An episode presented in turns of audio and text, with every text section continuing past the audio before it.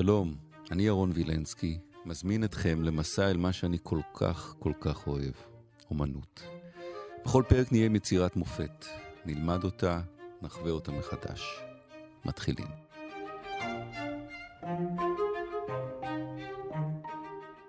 אנחנו עם אה, ולסקס, ואיתנו אברהם פסו הצייר, שלום פסו. שלום.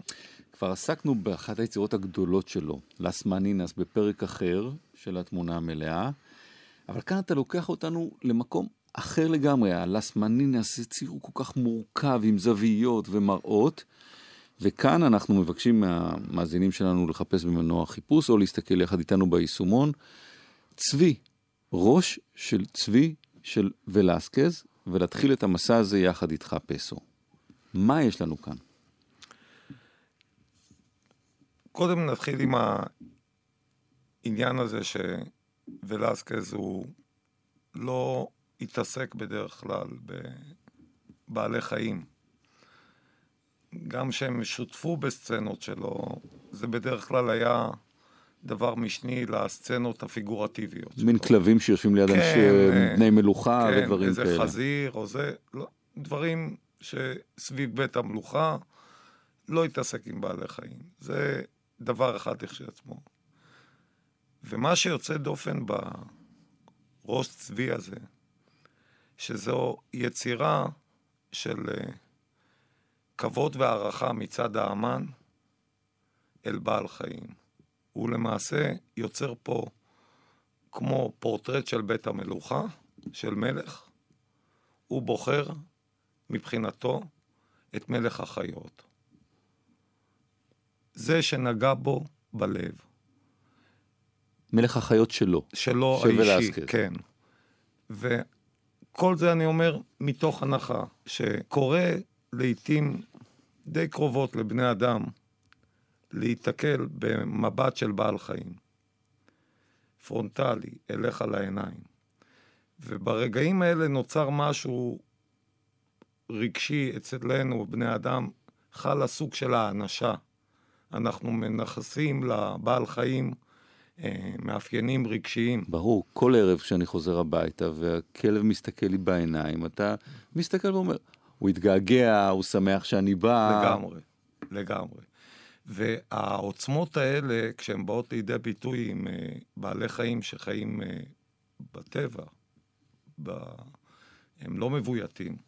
וכשאתה נתקל בסיטואציה כזו של טיולים, שמי שטייל נתקל מדי פעם בבעלי חיים, או חזיר שחצה, או צבי שהופתע מוקדם בבוקר. יש רגע את המבט בעיניים הזה, אפילו לשנייה יכול להיות. חלקיק שנייה, מיד הם מזהים והם טסים, הם מתרחקים.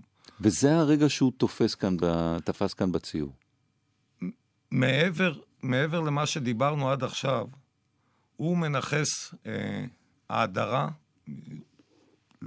לבעל החיים הזה ברמה שאני מקדיש לו ציור פורטרט. זה ממש טורוס של uh, צבי. אבל מה בטבע? זה לא צבי שניצוד ונתלה על קיר ואותו נכון. הוא צייר. זה צבי בטבע, שעוד שנייה, עוד חלקיק שנייה, הוא יחצה את הפרם. הוא עצר רגע, נעץ בנו מבט, ועכשיו הוא יזוז. הוא לא מודל שעומד ו... ולסקי מסתכל ומצייר. הוא ממש נותן לך את התחושה שלמרות שהוא מצייר את הציור הזה לא מעט זמן, הציור עצמו הוא לשנייה ואז הוא ימשיך. הוא ימשיך, הוא לא יישאר כאן. איך הוא, לא עושה את זה? איך הוא עושה מבחינת צייר? את זה תסביר לנו. אה, הוא עשה פה, אה, בציור ספציפי הזה, אה, לדעתי, שתי פריצות דרך בעולם האומנות. מצד אחד, הצבי הזה, שהוא מדהים בכושר ההבעה שלו ובחיות שבו, הוא מאוד רזה בצבע. רואים דרכו את הקנבס. אם בני אדם יפתחו את הצילום של הציור הזה ויגדילו אותו. להגדיל, להגדיל, להגדיל. להגדיל ויראו במקומות נכון. רבים שרואים את הקנבס ממש, שאין כמעט צבע. ממש כמו רשת של כן, קנבס. הנה. והוא השתמש בטכניקה הזו בכדי לתת לו את תחושת הפרוותיות של הצבי. לעומת זאת, הרקע של הצבי, אה, העננים האלה. וה... האלה, משהו כמו 200 שנה אחרי זה, רק האימפרסיוניסטים עסקו בזה. הוא היה... בתקופה שלו מה... אף אחד לא עשה את זה? אף אחד לא עשה, לא עבד בצורה בשרנית כזאת בעננים. להכניס לתוך ענן כתמים של משיכות מכחול אקראיות, של צבע עבה, עם, עם צהובים בפנים, עם ירוקים, עם כחולים, עם שחורים, עם אפורים. ליצור את האווירה האימפרסיוניסטית הזו. זה לא היה. באותה ולס... תקופה היו הולכים עם מכחול היה... דק ועושים כן? בדיוק ענן, ענן, ענן. צייר ברוק. צייר ברוק זה צייר שיודע לעשות את הדברים בצורה אה, קלאסית, אה, שכבות והוא פורץ כאן דרך בזה שהוא מורח קצת הוא, את הצבע. בוודאי, ולסקז באופן כללי יודע שהוא אולי גדול המשפיעים על אימפרסיוניסטים. הם עלו אליו לרגל, הם גילו אותו, כשהם גילו אותו, הם פשוט אה, נפעמו ממנו. זאת אומרת, ברמה מסוימת, הוא ורמברנדט זה שני אנשים שהשתחררו מכבלי המוסכמות של התקופה שלהם. תשמע, ו... אני מסתכל יותר ויותר על הצבי הזה והוא מהפנט.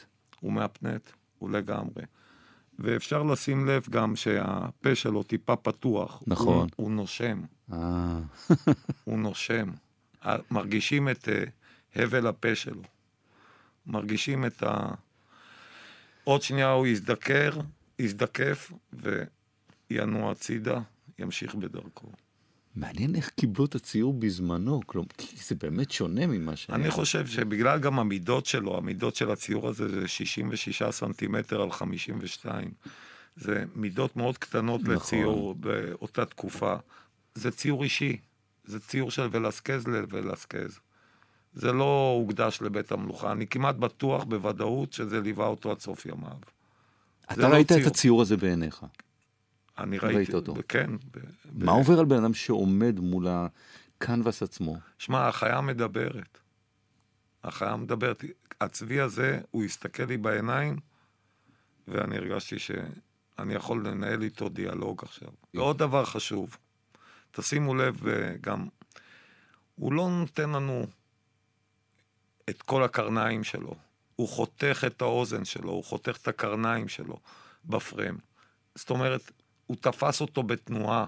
הוא לא יכל, הוא לא הכניס אותו לתוך מסגרת, העמיד אותו, הקפיא את הזמן שלו, ואז... זה מעניין. פה... כלומר, אם הוא היה עם כל הקרניים והכל, זה, היית אומר, זה, זה עוד... העמידו בובה כן. של צבי, והצבי דגמן לצייר. וזה מוסיף עוד לארעיות זה... של הרגע. בדיוק, בדיוק. זה מוסיף לארעיות ולאותנטיות של הרגע. בגלל זה זה חתוך. בגלל שזה חתוך, כן. וחתוך בגאוניות. אוזן אחת שלמה, אוזן אחת חתוכה. הכל בכוונה. הכל לא... מכוון. הכל אין, מכוון. הכל מכוון. המיקום של הראש, המשקלים, האלכסון של הצוואר ממשיך עם הקרן שממשיכה את כיוון הצוואר, אבל האף שלו ממשיך עם הקרן השנייה. Hmm. זאת אומרת, נוצר לנו איקס. נכון. ו-X בקומפוזיציה... מה זה עושה? זה תורם... זה אידיאל, זה, אתה, זה, אתה... זה סוג של... אה, אה, חלים בזה חוקי אסתטיקה ואיזון. שהם נותנים לך את כל האפשרויות בצורה של איקס. אז כולם מוזמנים זה בפראדו בפ... במדריד. כן. כולם מוזמנים לרוץ לשם? ציור פנומנלי. אז את המפגש הכל כך uh, מקסים הזה עם הצבי של ולסקז, נסיים עם הדאג'ו של אלבינוני.